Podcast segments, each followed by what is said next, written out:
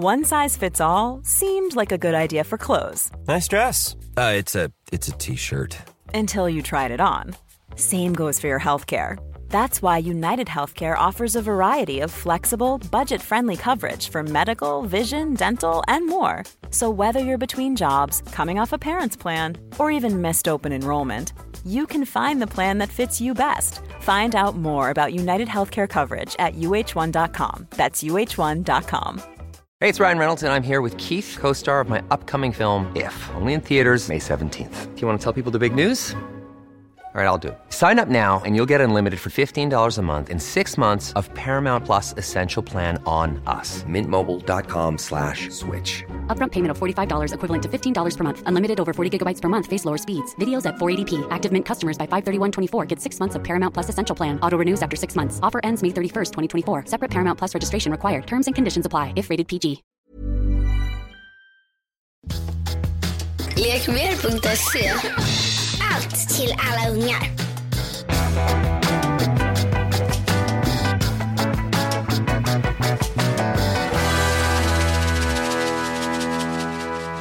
Hej och välkomna till Lille Lördag. En podd som inte väjer för några ämnen. Eller hur Anita Schulman? Eller hur Ann Söderlund? Är det bra eller dåligt? Men jag tror att det är ganska bra. Men jag är ju inte superobjektiv i det här fallet känner jag. Du är lite köpt. Lite köpt. lite köpt och tokig. Just lite galen, lite till mans. Alltså det är så roligt att det är så många som lyssnar som hör av sig. Jag blir så himla glad att läsa de här hej hej skratt skratt kommentarerna Ja. och fan fortsätt med det och glöm inte att hashtagga lille lördag och säg vad ni gör om ni går på promenad och skrattar på er eller tycker att vi är jättedumma i huvudet får man jättegärna säga det också. Eh, Så hashtag tycker vi lille inte. lördag på Instagram och Facebook och allt sånt där. Och så gå in och likea våran Facebook så blir vi också jätte, jätteglada. Och där kan man också prata med oss. Ja, det kan man. Eh, vi har ju varit iväg i helgen du och jag. Vi har gjort en gemensam liten weekend, weekendresa. Det var vår första gemensamma resa. Ja. Den här resan där du och Penny skulle bonda och ha tjejhelg. Då hade du lite tjejhelg med mig istället. Ja, jag hade både och. Ja, Micke vill ha mer. så är det alltid. Flaggan är på, eller vad är haspen inte på. Nej men jag, det var mysigt. Vi var i Karlstad på barnmässa. Mm. Jag tänker att vara så på mässa och vara borta i liksom 72 timmar och vara liksom, man är ju lite instängd. Ja, Det är lite som att vara i ett lyckligt fängelse. lite så. Ja, någon kommer hämta någon säger när man ska gå upp, när man ska äta frukost, man ska, när man ska gå till scenen, när man ska gå och lägga sig, när man ska gå på drink. Jag skulle inte, alltså jag tycker det där livet är ganska bekvämt. När någon annan bestämmer. Eh, Både och kan jag känna.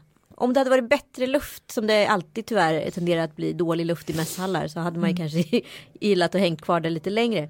Men jag, jag kan bli jättestressad av att eh, inte få kontrollera min egen tid på något sätt. Och sen så fick jag så mycket verklighetscheckar. Jag tänkte på först, första reaktionen på det här var så här småstadsdumhet. Andra reaktionen var på men gud så vettigt. Det är kanske vi i Stockholm som blivit helt dumma i huvudet.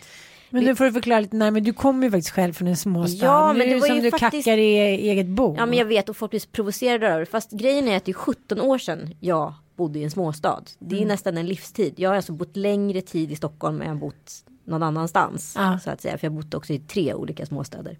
Eh, nej men. Jag, jag frågade efter lite varm mjölk till kaffet. Och då sa de. Ja det är bara att ställa in mjölken i mikron där borta. Ja, du, du fick inte tillräckligt bra service, är det vill Nej säga. men då blev ju så, såklart Stockholm så arg Ja. och kände så här gud vad jag är på landet. Ja men jag är på landet, gud så himla förlegat. Men så tänkte jag så här fan de kanske har rätt, det är kanske vi som har blivit helt liksom hemmablinda och förblindade. Den nya tvärvetenskapliga forskningen av Anita Schulman. Jag bad om hjälp, den i mikron själv och nu drar jag alla Karlstadbor över en kam. Är det lite så? Nej, jag tyckte att jag fann en vettighet i det. Det, blev, det Okej. tog ner mig på jorden, det var det jag ville säga. Istället för att jag blev som re- ah, jag blev irriterad på min egen reaktion, kan man säga så då? Ja det är bra, Ja. det är bra. Men jag tänkte på en sak när jag var ute och handlade diverse saker, allt från strumpbyxor till eh, jeans till pojkarna och allting. Att det finns ju, den här tidsaspekten gör ju att människor i storstäder framstår som nonchalanta och otrevliga. Ja men såklart. Ja, jag, jag tänkte så här, det var ju tiggare i varenda hörn även i Karlstad. Men alla som, som liksom gick förbi en tiggare och kom fram med den här Sofia-tidningen tog man sig tid och gör betal har redan köpt den och hoppas du har det bra. Och, alltså, det fanns en, liksom, en medmänsklighet som jag verkligen kan sakna. Nu är ju inte Stockholm liksom New York men Förstår du vad jag menar? Ja men absolut. Alltså det känns som att människor på, det här kanske också är en fördom, vad fan vet jag om det här? Eller det borde jag veta, men det känns som att man i en mindre stad har bättre koll på varandra. Det är som att familjen har blivit liksom lite större. Den är inte till, blivit tillräckligt stor för att eh, vara helt alieniserad som man kan vara här i Stockholm. Men jag skulle aldrig kunna bo i en småstad för att ja, men jag skulle ju skämma ut mig på två veckor. Det skulle inte gå. Men jag tänkte också på det här när någonting händer i, i alla har umgåtts så tajt så länge man åker på semestrar. Man liksom man super, man föder barn. Så man gör verkligen allting tillsammans. Med så här tjejmiddagar med Hollywood-tema. Alltså det är verkligen en, ja, men en liten community. Och när en skiljer sig då blir det så här det, men de, då skakas de om i sina grundvalar och sen skiljer sig alla typ. Det är så här, lite som krävs för att en småstads eh, liksom, eh, Idyll. ska- idyll ska spricka. Det såg man i de här, vad heter det där programmet, Svenska hjärtan. Ah. Ah. Gud. Ja, jag har faktiskt varit med om ett sånt här drama. Jag bodde i Strömstad under en tid. Och då var det snygga mannen på gatan nedanför vår gatas mellan affär med vår granne. Och kvinnans man kom hem och jagade honom med yxa. Naken fick han springa hem i förnedring till familj, fru och barn. Och det var liksom det var, det var så rafflande och upprivande på samma gång och alla var med och involverade i den här konflikten på något sätt. Och alla var arga och tog parti åt något håll. Ja. Ja, man måste ju välja, man måste välja sida när man bor i en småstad. Det går ju inte bara att slinka iväg och gå in på AWn och så här, låtsas som det regnar. Nej men jag tror att, ja, det här kanske är en konkret fördom, men jag tror att jag är mer och svart och vit färgad på grund av att jag kommer från en småstad. Jag måste upp, bilda en uppfattning om saker och ting. Du vill, Dömer du snabbare då? Ja men jag måste, det känns som att här, jag får snarare jobba mot att här, prata med mig själv och resonera. Nej men tänk ett varv till, det kanske inte var så. Eh, utan jag skapar mig direkt, jaha, mhm. Alltså en sån och sen bara nej men fan man inte skärpt det liksom. Alltså att man får prata med sig så. Men det kändes ändå som att du var lite tillbaka liksom, hos dina rötter. För att du blev väldigt avslappnad. Och det märkte jag. Ja vad skönt. Ja, Ja. jag tyckte det var skön stämning på dig. Kanske lite för avslappnad. För jag tänkte på det när vi eh, stod ute och väntade på eh, bilen där på kvällen när vi skulle åka taxi. Ja. Då eh, fes ju du. Alltså, du sa så här, ursäkta, det stod ju massa folk runt omkring oss och du bara släppte väder som att det vore liksom en gammal lössläppt hund. Fyra... Det var... det var ju inte riktigt så att eh, Jo, det var det. jag, eh, nu var det inte jättemycket människor där, i alla fall inte jag upptäckte, men jag sa det mest för att här, jag visste att du skulle få veta att det var jag. För annars Om- skulle du adressera det och skulle börja kolla runt och prata om det. Så jag, ville göra en, jag kanske, jag kanske skulle säga att jag ville göra en Anders Borg, jag vill bara lägga sordin på stämningen fort. Så. Du tänkte att jag skulle börja jaga runt lite som en häxprocess. Att jag, ska, jag skulle vilja hitta en anklagade. Ja, ja. Ja, men jag tyckte det ändå var skönt att, att, du var avslappnad. Är det någonting så här som du gör ofta? Alltså så här, det, det kallas ju för att bryta ett kvinnligt tabu när kvinnor så här, visar att de bajsar eller fiser eller liknande. Eh, om vi pratar lite om kvinnliga tabun, för jag tycker det är skitspännande. Ja, let's do it. Ja, jag började tänka på, på det häromdagen. Kvinnliga tabun versus manliga tabun. Och det kändes som att ett manligt tabu liksom omskrevs till exempel en defekt eller ett behov. Medan kvinnliga tabun var bara så här menar, att kvinnor i stort sett är galna om de överstiger de gränserna för kvinnliga tabun. Kommer du ihåg vad de sa i Homeland, vilket var väldigt intressant? Att eh, män är alltid roli- oroliga för att deras kvinnor ska vara eh, psykopater och kvinnor är alltid oroliga för att män ska vara losers. Aha, det kommer inte jag ihåg. Jag är ju typ Det fullt är in i kvinnliga och manliga tabun. Ja, ja. Men vet du att det finns ju liksom ganska många kvinnliga psykopater men det pratas ju inte om dem. Nej, såklart. Och vet du att det oftast är kvinnor, ofta är kvinnor som är så här elaka och slår sina barn. Ja, men det kan jag tänka mig. Ja, det kan jag förstå att du kan tänka För dig. att eh, det är också oftast kvinnor som är hemma med barn. Ja. När de är i slagningsbenägen ålder så Ja. att säga. Men eh, Kalle brukar ju säga så här att du är ond. Ja, det Ja. säger han. Ganska ofta faktiskt. Det kanske jag är. Jag antar att jag är det. Det brukar Mattias säga till mig också ibland. Så här, nu är du bara ond. Fast det där är så bra kort att dra till också. För det är typ det sista man vill vara. Alltså det smärtar Ah, så mycket. ah. Han säger det varje gång. Dålig mamma och ond. Ja. Ja. Men när säger han det? I vilka sammanhang? Han sa det ju nu senast. Okej, alltså, sms-konversationen. Så här Berätta vad var det. Lång historia kort. Recap. Jag och Ann var på mässan. Rehab. Rehab. jag och Ann var på mässan och satt så här uh, whining and whining lite granna över hur att det är så stäkigt hemma jämt och de hjälper aldrig till och bla bla. Ja men vi fick ett litet, en litet lucka. Det är ju inte så att det alltid är så. Men vi kände att vi var tvungna att få ut missnöjet lite grann så vi ältade lite. Den här lilla grejen tog jag med mig hem eh, och hade lite kul. Tänkte så här, men jag sa så här, men han har säkert städat nu. Eh, det kommer vara blankt som ett skinande ollon. När jag kom innanför dörren så hade jag kameran på telefonen i högsta hugg och så här, brände av en bild så fort jag kom in för jag misstänkte att sen kommer han se att jag tar kort på det här. Och då låg det liksom grejer överallt. Detta går att se på min Instagram-feed, även Kalles. Ehm, Snart även min. snart även din. Eh, och så skickar jag iväg den här bilden väldigt fort. Och då får jag tillbaka. Va? Vad är det här? Är det ett felskick? Jag bara. Jag skickat det till honom. Jag skrev så här. Mysigt komma hem till ett välstädat hem. Ja, men alltså, så här det, du skickade ju det till mig. Ja, Ja. alltså jag gjorde ju inte det. Nej, jag skickade fattar det. Kalle. Men jag fattar det. Jag har inte fattat först nu. Jag trodde du hade skickat fel till mig också. Så jag tänkte så här, jaha, jag har aldrig riktigt fattat först nu att du har dragit in mig i den här tvekampen. Och sen för att liksom försvara dig själv och så här, ta bort skam och skuld, då la du över det på mig. Att det är jag som vill. Kolla över det på dig. Ja, men jag kollade ju på ditt flöde där, sms-flöde. Ja, Ann och jag bestämt och Ann tyckte det och dit. Ja, men, Ja, men någon var ju tvungen att bära hundhuvudet med mig för han var så arg. Ja. Och då skrev han så här, jag tycker det bästa är det sista, du och Ann, är, vad var det som grisar? Ni två är som grisiga grabbar. Är vi det? Kanske. Okej, men när säger han att, men, men, säg, säg så här tillfälle där han kan säga att du är ond. Han säger att jag är ond när jag klagar på honom. Generellt för hushållssysslor. Mm. För då tycker han att jag är orättvis. Och då blir jag orättvis. Han är lite dramatisk min man. Kan vi säga så? Ja. Eh, och då blir jag gärna ond. Men vad, Eh, vad, jäm- liksom, vad bygger han liksom, ordet ondska? Så det finns ju en film och en bok av Jan Guillou som heter Ondskan. Där är ju liksom, per definition människor onda. De Ja. slår varandra, de är sadister. Är det någonting sånt? Nej, är du alltså- sadist? Nej, men han, drog till, han drar gärna till ond när vi bråkar. Ja. Eller han sa sist, det, det är vårt bästa bråk. Vilket jag kommenterar då stundom. Topp 10. Ja, topp 10 bästa bråk. Där jag kom, återkap, vad heter det, recappar Ja. flera gånger och säger så här. Ah, du menar sanna Anita som du pratade om när vi bråkade sist. Han bara, nej, nej, jag menade inte det, jag menade inte det, jag blir skitobekväm. Jag bara, sanna Anita säger så här, men tänker på ett annat sätt. Men Det kanske kan vara en så här, rådgivare på nätet som du kan bli snorig på. Sanna Anita. Sanna Anita. Så, Sanna Anita kan hjälpa till med något, jag är jätteont. nej, nej, det ska vara mycket mer så här. Det ska vara rök och du ska ha skaller och spåkula. Sanna Anita, välkommen. Ska vi sitta och Som en röka, riktig häxa. dricka blaskewhisky. Ja, en riktig häxa. Häx, jag tänker väldigt mycket på häxprocessen. Den är helt absurd. Apropå ond.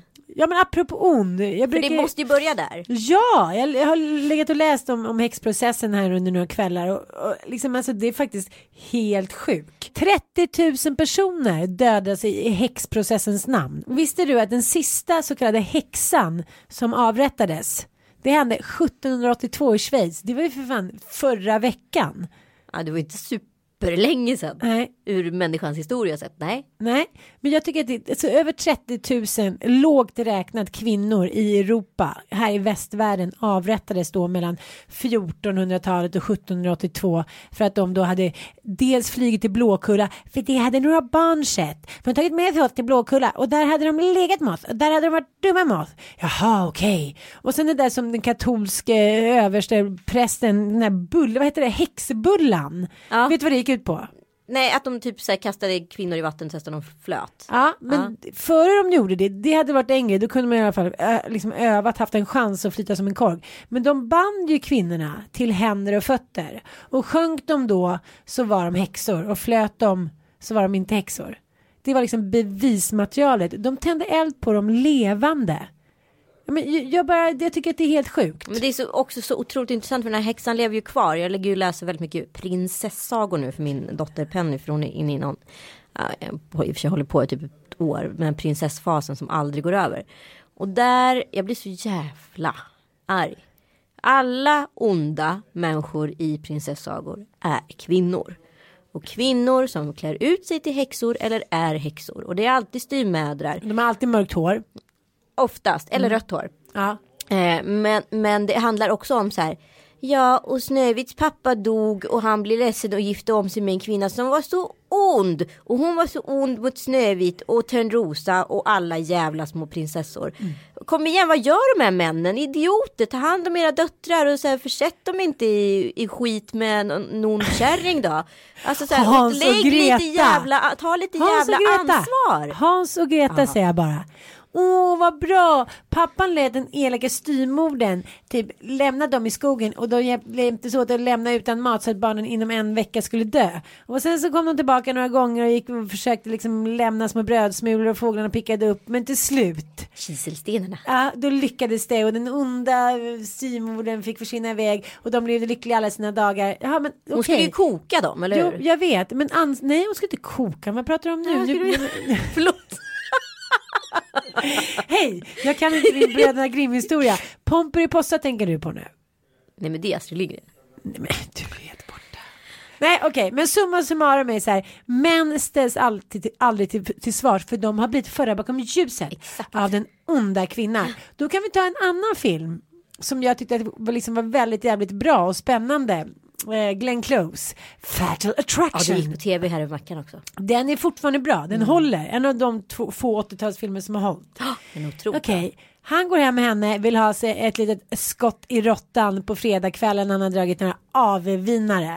Hitta en villig, snygg tjej i 30-årsåldern, tänker så här. Hon är välutbildad och hon liksom, ja men hon är så här en självständig kvinna som inte bör, kommer börja koka kaniner. Oj då vad fel han hade. Men sen går hela filmen ut på att det är hennes fel, att hon är galen för att hon trodde att det skulle vara någonting. Exakt. Ja, det är, så är alla filmer uppbyggda. Det är så här Hollywood-syndromet.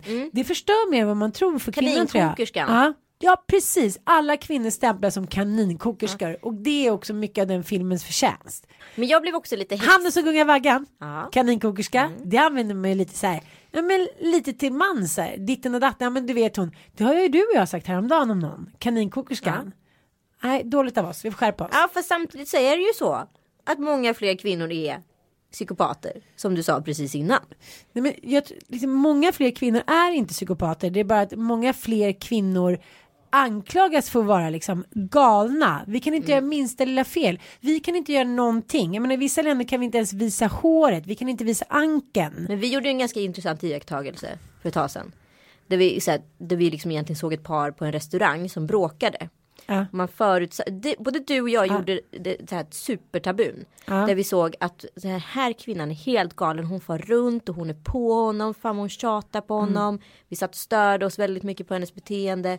Och sen så helt plötsligt så inser vi men snubben är tok alkis. Det är ju inte konstigt. Hon håller på med barnen och han sitter i baren och hänger med någon sån här loose snubbe som han typ har träffat för att han tagit en öl. Hon och tar hand om barnen till. själv. Det är klart att hon liksom håller på att gå under av Men trötthet. både du och jag hade ju på oss eh, icke-feministiska ögon där. Mest.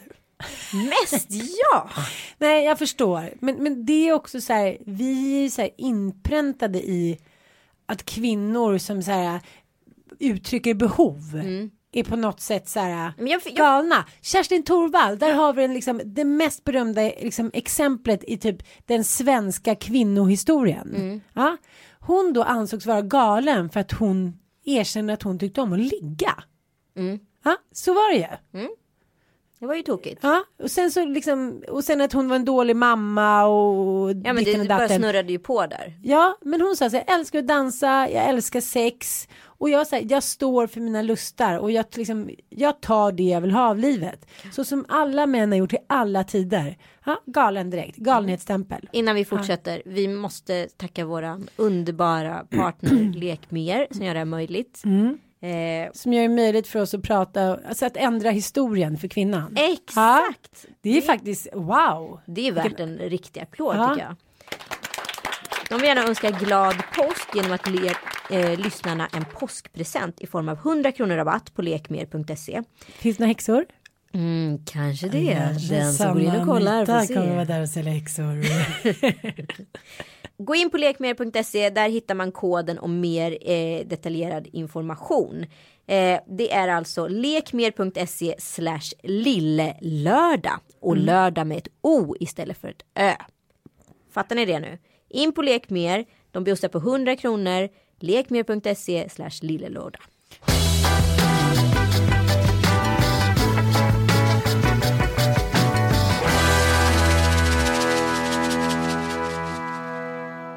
Jag var med om en mikrohäxprocess kunde man Gud säga. vilket bra uttryck. Mikrohäxprocess. Mikrohäxan. det ska vi fan ta patent på. Ja.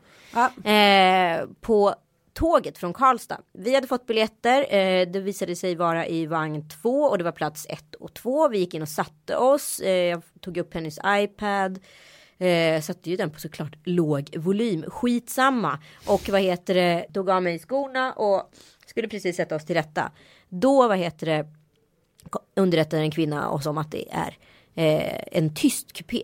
Och vad som händer. På vilket sätt? Nu vill jag höra. Hon vill säga, Du vet att det det här, här är hon andades hon Ja. liksom högt upp. Först böjde hon sig fram och registrerade väldigt noga när vi satte oss och tittade med stora ögon på oss. Jag tittade tillbaka och sa typ hej eller nickade lite artigt sådär. Du var inte aggressiv. Nej, inte Nej, då. nej, nej. Här, hej hej och sen så satte vi oss ner. Alltså det här, du vet det är så kort händelseförlopp. Eh, sen så bör, säger hon så här. Det här är en tyst vagn, jag vill att ni går ut härifrån. Det är det första hon säger. Och där tände väl jag lite till. Och då sa jag så här, ja jag är hemskt ledsen. Om du känner dig störd så får du jättegärna sätta på dig dina lurar. Vi har fått de här platserna, vi kommer säkert lösa det om en liten stund. Men än så länge sitter vi kvar. Håll ut. Och sen på börjar liksom den här vagnen i princip koka utav oro. Det är som att jag klivit på med som en opolitlig pundare, kommit in och förstört en stämning. Alltså det var en hets där inne och ett, ett, liksom en nerv i luften som var så jäkla obehaglig. Och det enda jag hade gjort, det var ju faktiskt att jag hade satt mig i en tyst kupé på mina platser. Det var inte så här att Penny bräckte på med sin padda och det var ett himla halabaloo. Och... Nej, alltså det var ett barn som pratade lite grann men hon hade Nej, inte behövt Penny prata. pratar inte lite grann. Hon pratar alltid väldigt Jo men hon kallade ju på paddan just för att hon skulle hålla tyst och det gör hon ju gärna då. Okej, men om du hade blivit anklagad här nu. Ja. Så här, und, vi säger 1633.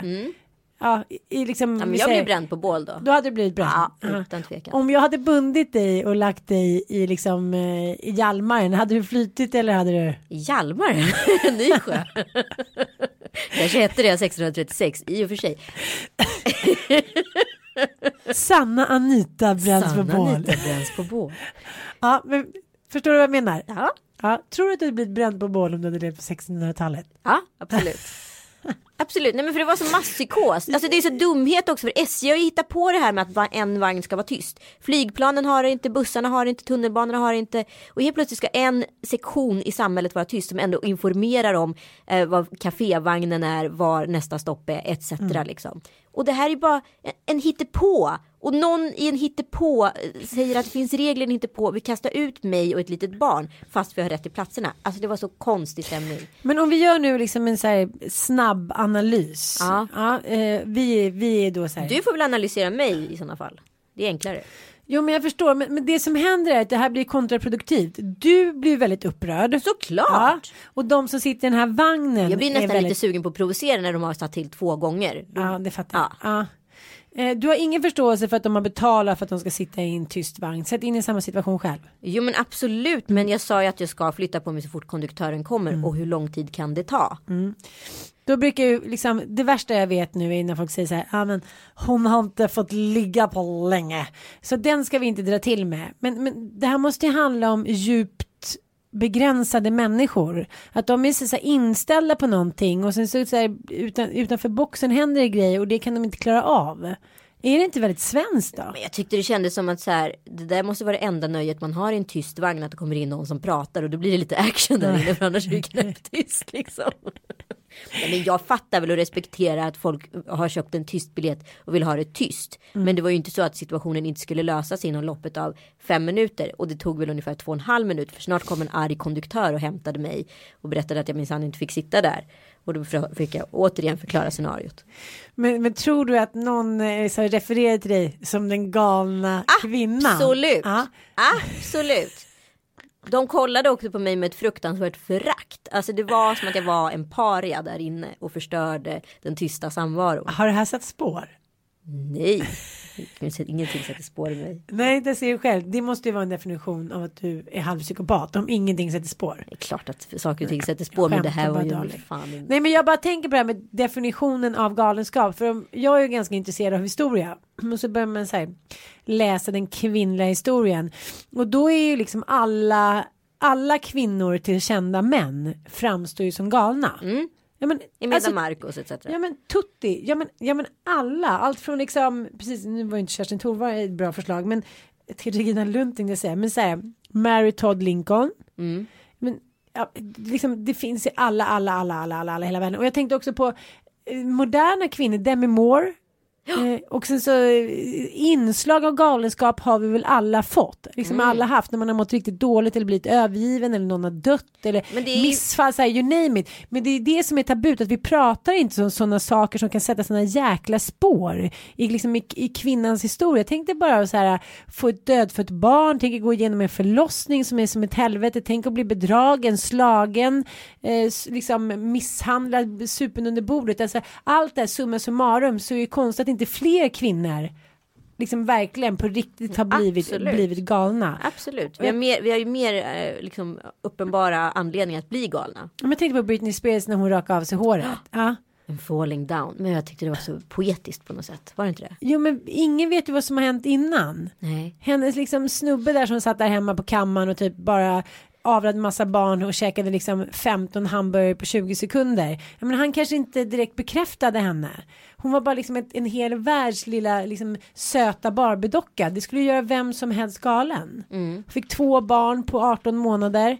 Alltså det som jag tycker är så sorgligt att galenskapen framställs bara som att man föds galen här och nu. Det händer ju också med människor. Jag menar, det är klart att det kan finnas ett genetiskt betingat arv i galenskap eller medberoende eller vad som helst. Men man får aldrig höra den bakomliggande historien. Media och vi också älskar att framställa kvinnor från så här en dag till en annan mm. blev hon totalt galen. Ah. Det bara slog slint. Hon var svartsjuk. Hon var småaktig. Så här, tänk att vara gift med Lincoln som dygnet runt satt och så här, kämpade för liksom han kämpade ju för bra grejer men han, hur många minuter per dag kan han ha ägnat Mary? Det är klart han inte gjorde. Mm. Man kollar på Jackie O, det var samma sak där. Mm. Onda Jackie O, under tiden han hade lite kul med Marilyn, det var mm. väl ingen fara. Mm. Tänk dig själv man ska fira sin make så här födelsedag. Mm. Man sätter sig där, man är finklädd, man har handen på mannen man älskar. Helt plötsligt kommer liksom en pillertrillad sexsymbol in på scenen. Ramlar in med liksom tuttarna. Håller på att trilla ut. Ja, och så här sjunger med en så här tillgjord bebisröst. Ja, vi måste lyssna på det här. Happy birthday to you.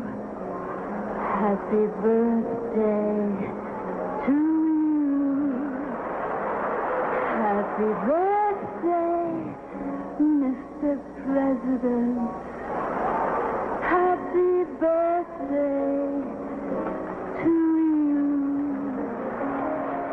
Hur skulle du ha reagerat? Sitta och le i publiken och titta på det här och se hur glad mm. och pilsk han blir mm. när han ser henne.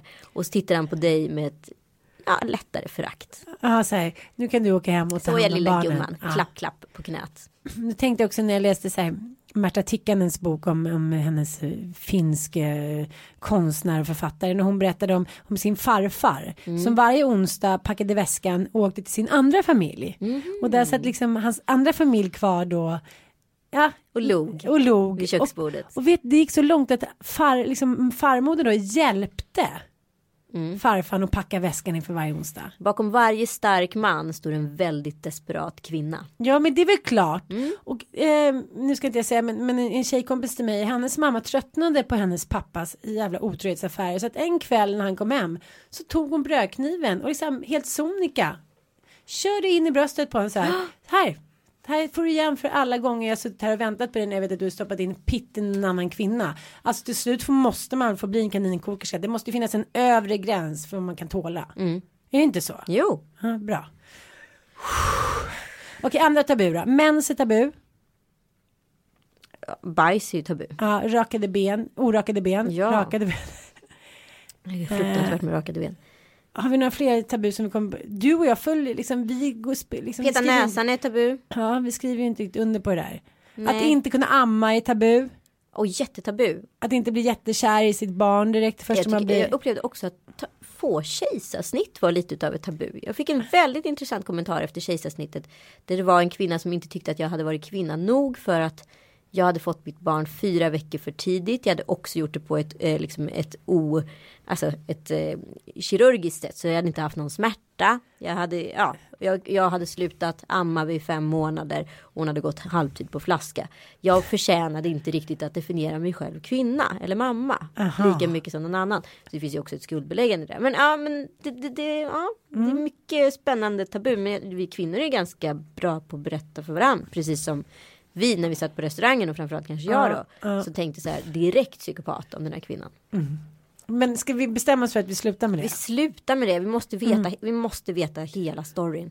Ja, det måste vi. Ja. Vi måste bli liksom våra bästa för, egna försvarsadvokater som kvinnor.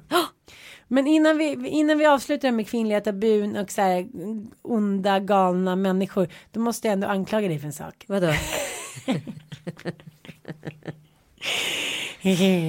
jag, är, jag är arg på dig. Är du arg på mig? Nej, jag, nej, nej, men Är det nu, Sanna Anita som ska det är komma Sanna fram Anita som ska ta fram sin spåkula och eh, vad är det, man brukar, du ska spotta, du ska lite blod och lite spott och sen Och ska det lite bara ryka. Det skulle i och för sig passa som det. Eller hur? Men du älskar ju gå till såna här spåtanter. Ja, ja, ja. Lämna det. Ja, okej, en annan okej. En annan podd. Men då ska jag i alla fall eh, berätta för dig att jag har sovit riktigt dåligt de två senaste nätterna. För mina barn, särskilt Dante, har inte velat gå och lägga sig efter jag berättade den där spökhistorien som du berättade som jag fortfarande mår dåligt över och typ aldrig mer vill flytta till en gammal lägenhet. Alltså den var så spännande. Sen när jag skulle återberätta den så tyckte jag att jag gjorde det riktigt dåligt. Du var ju riktigt i gasen i lördags när vi berättade den. Med litet glas skumpa där i din lilla outfit med blommor och lite så här håret på ända. Eh, Jag blev riktigt rädd. Nu måste jag, du berättade en läskig, läskig spökhistoria. Nu måste du faktiskt berätta om den. Jag tänker i, i Regina Lunds, för att återberätta Regina Lunds heder. Okej. något sätt. Okej. Det här är till dig Regina. Ja, eftersom jag då är kvinna så anser jag säkert vara galen. Eh, eh, Det bjuder vi på. det bjuder vi på. Ja. Eh, jag inte, och det säger ju alla, det är så töntigt, varför fan ska jag säga det för? Eh, skitsamma, jag har inte brytt mig så mycket om spöken, jag har aldrig känt något, jag har aldrig tänkt något. Eh, folk runt omkring mig har varit andliga och jag har trott på dem, men inte så mycket mer än så. Jag är övertygad om att det finns skit där ute som vi inte känner till. Okej, nu behöver jag inte försvara mig mer. Nu kör vi. Vänta vi måste ha lite spökmusik. Ja. Vi bodde i en lägenhet vid Odenplan eh, som vi båda blev förälskade i när vi hittade den. Men ganska fort så började det hända lite konstiga grejer i lägenheten och det var så, det var så otroligt subtilt så det gick inte att ta Men det var på. en gammal lägenhet. det var en gammal Ja. lägenhet från Det sekelskiftet. knarrade. knar- Ja men det var så här. Nå, var väl någon dörr som var öppen som man hade stängt för ett tag Men det var inte Hammarby sjöstad och så här. Nej. Det, där hade det varit osannolikt att några spöken huserade. Övertygad.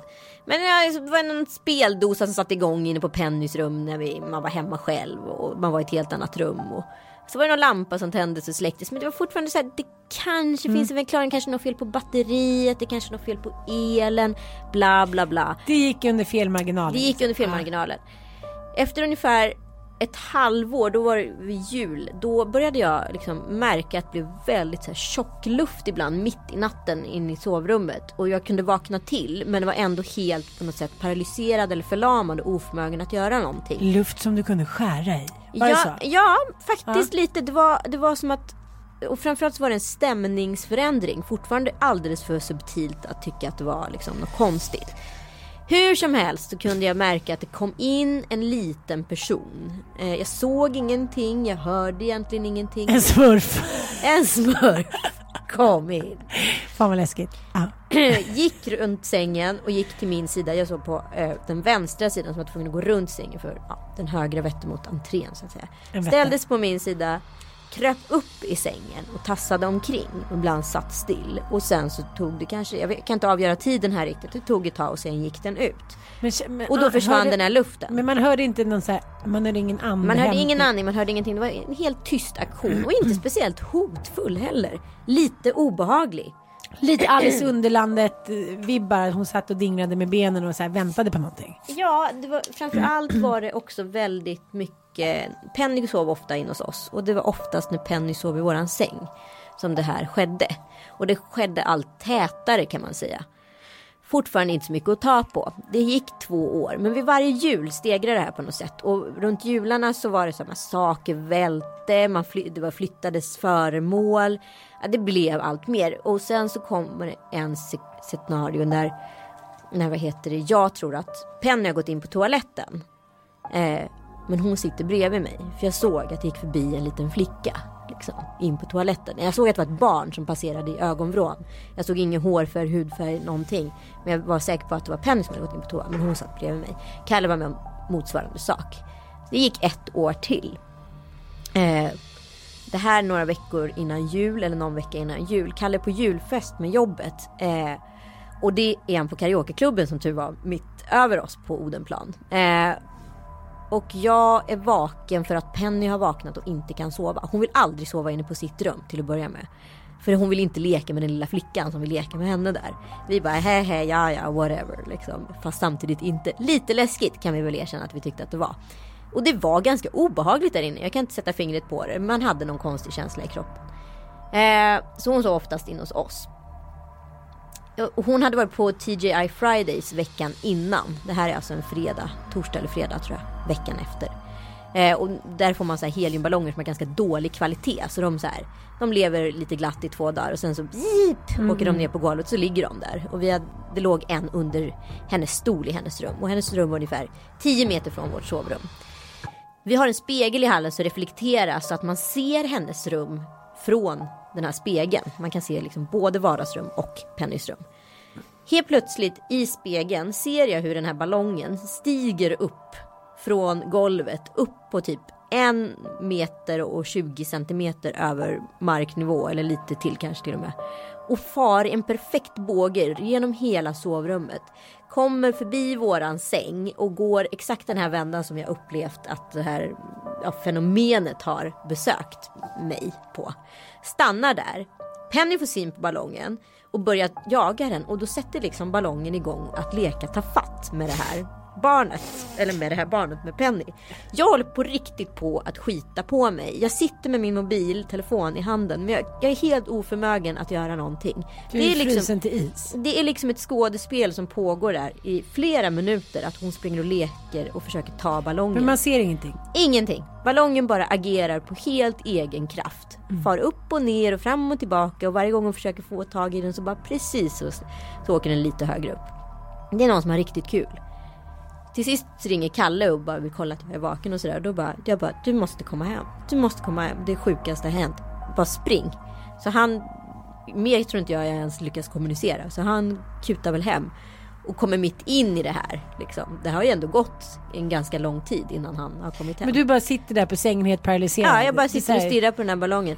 Och när Kalle kommer in i, i sovrummet då lämnar ballongen liksom, vad ska jag kalla marknivå och far upp i takhörnet och sätter sig in bakom en gardin. Och han, han är vad är det som har hänt? Så börjar jag typ grina och förklara vad som har hänt. Och börjar säga jag håller på att dö. Och Penny fattar ju varför inte jag är ledsen. Hon har ju bara haft jättekul. Och då kommer helt plötsligt ballongen ner igen och kör samma grej.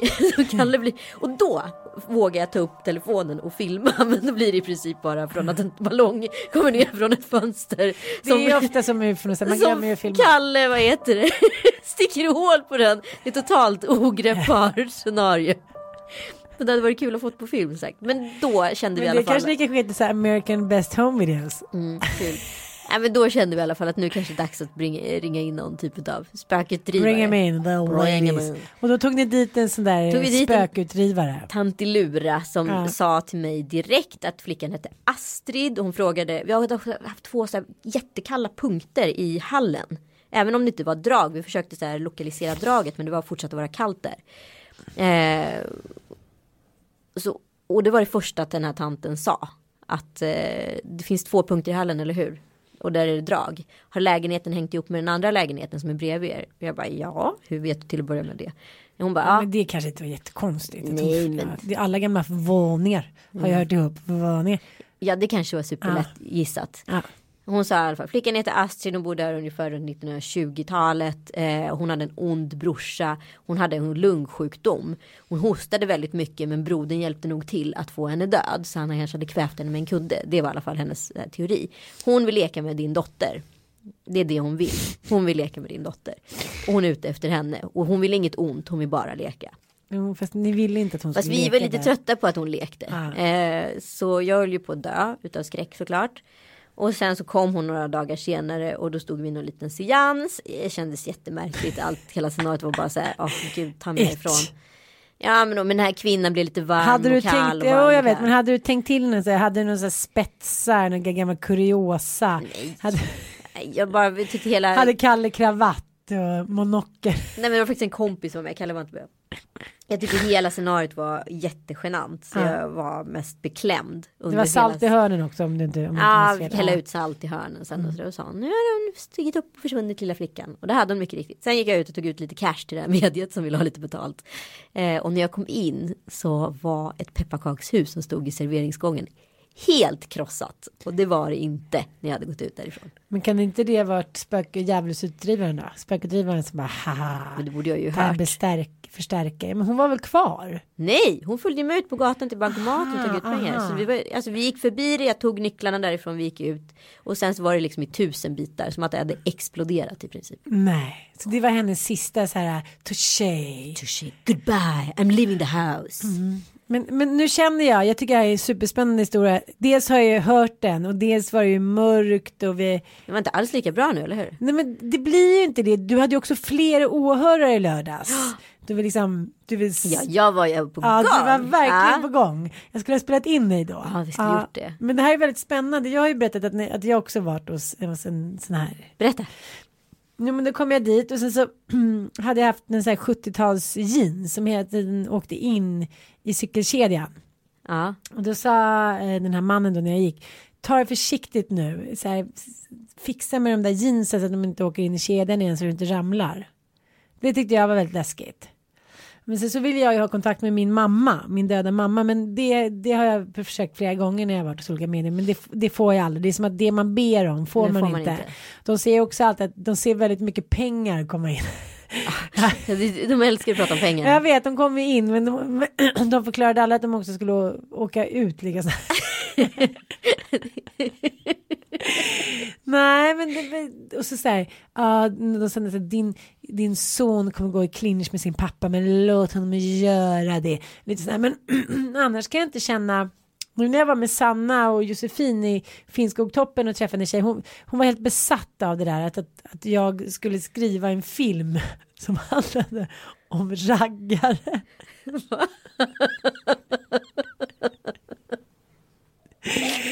Vad mediet är. Ja, hon kunde inte släppa i två timmar pratade om att jag skulle åka runt i en raggarbil i så här, tidstypiska 60-50-talskläder och att jag skulle bli rik. Hon ville, åh, man kunde få in någon annan känd skådis där, men hon såg inte ansiktet på honom. Kanske var det Micke Persbrandt, kanske var det någon. Men ja, snart kommer, så snart Anita.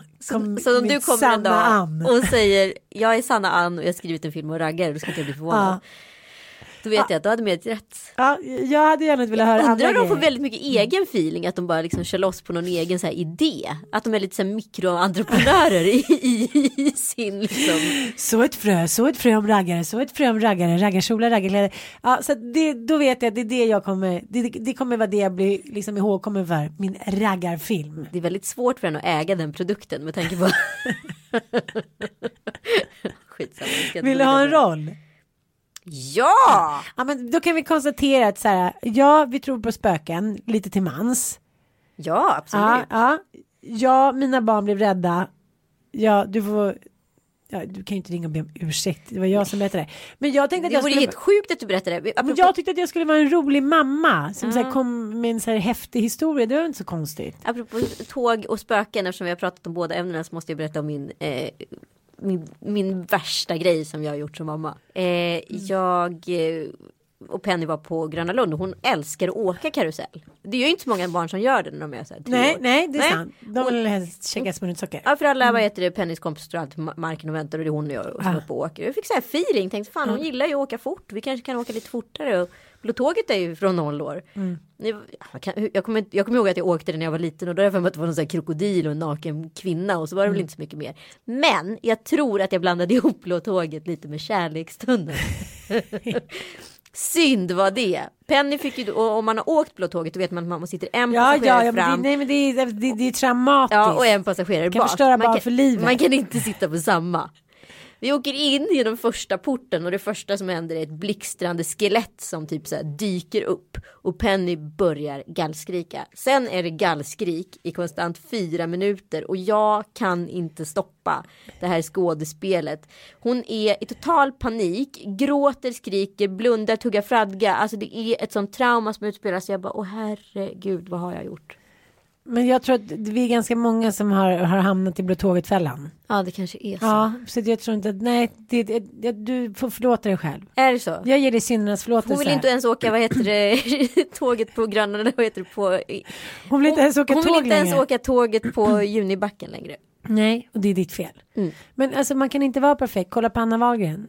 Ja. Fiskhuvud och tjo. Jag, jag kan också erkänna att jag tycker att jag har varit en dålig mamma. Vadå? Men då måste man också få bakom historien.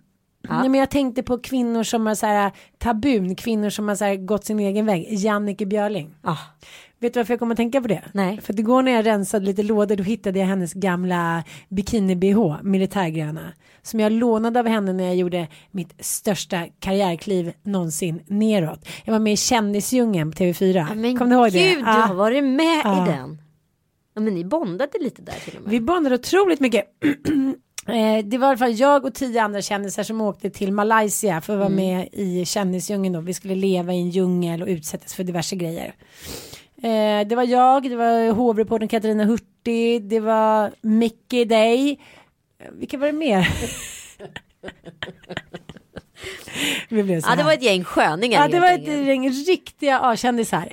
Vi var där och jag var en uttröttad mamma som ledde en relation som var så här äh, allt annat än, än harmonisk. Så för mig var det lite som åka på så här mamma-rehab Ja. i två veckor. Jag låg i den där trasmattan, eller vad heter hängmattan. Ja. Och jag hade verkligen ingen önskan att vara någon annanstans. Nej. In- Inte ens, jo tävlingsinstinkten var kvar. Men, men jag tyckte att det där var skönt.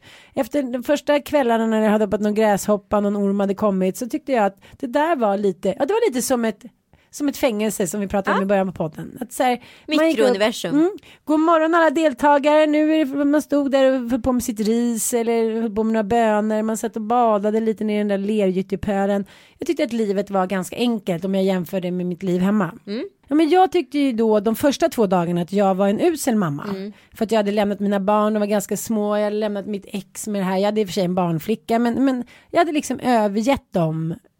För, för vad? För egen lusta.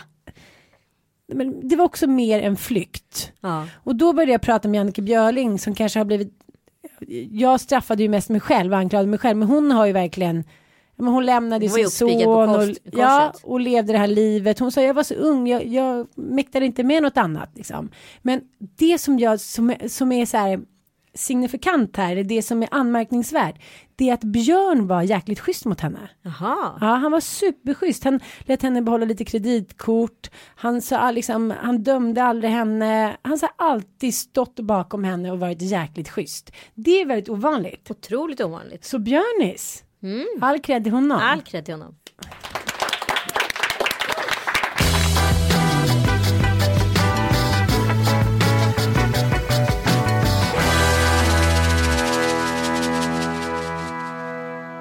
Vad ska du göra i påsk?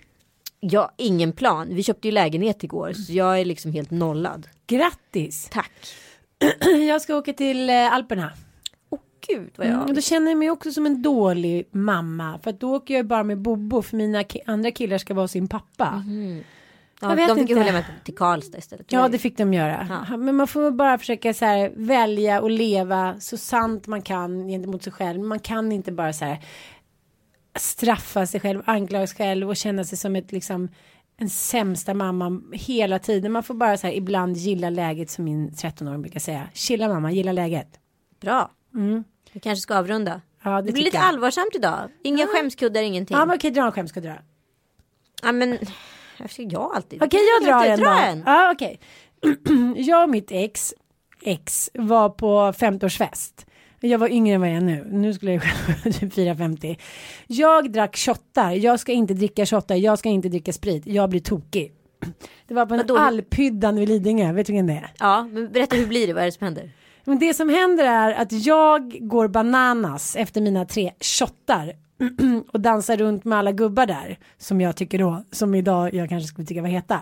Eh, dagen efter vaknar jag upp, minns ingenting. Mitt ex tittar på mig som att så här, du lämnar, leave Elvis efterbildning. Du, så här, du är inte värd någonting. Och du vet man blir så här, man mår dåligt, man svettas. Nej, då har jag dragit upp klänningen. Och visat Nej, mina men sluta. brön. Ja, men jag är stolt över mina brön. Kanske inte på samma sätt längre, men då är jag oerhört glad. jag. Och säger så här, dansar runt lite med deras kärar och säger så här, såna här tuttar skulle ni vilja höra.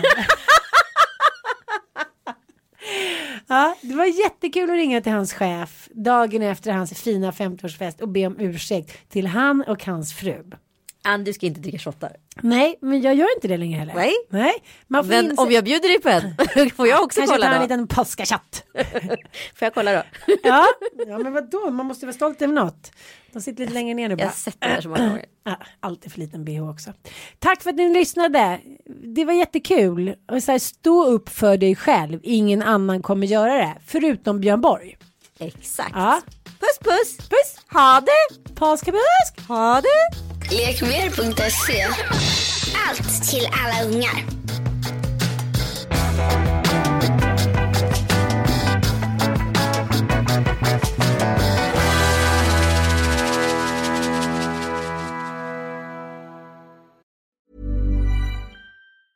Hi, I'm Daniel, founder of Pretty Litter. Did you know cats tend to hide symptoms of sickness and pain? I learned this the hard way after losing my cat, Gingy. So I created Pretty Litter, a health monitoring litter that helps detect early signs of illness by changing colors, saving you money and potentially your cat's life. Pretty Litter is veterinarian developed, and it's the easiest way to keep tabs on your fur baby's health right at home. Go to prettylitter.com and use code ACAST for 20% off your first order and a free cat toy. Terms and conditions apply. See site for details.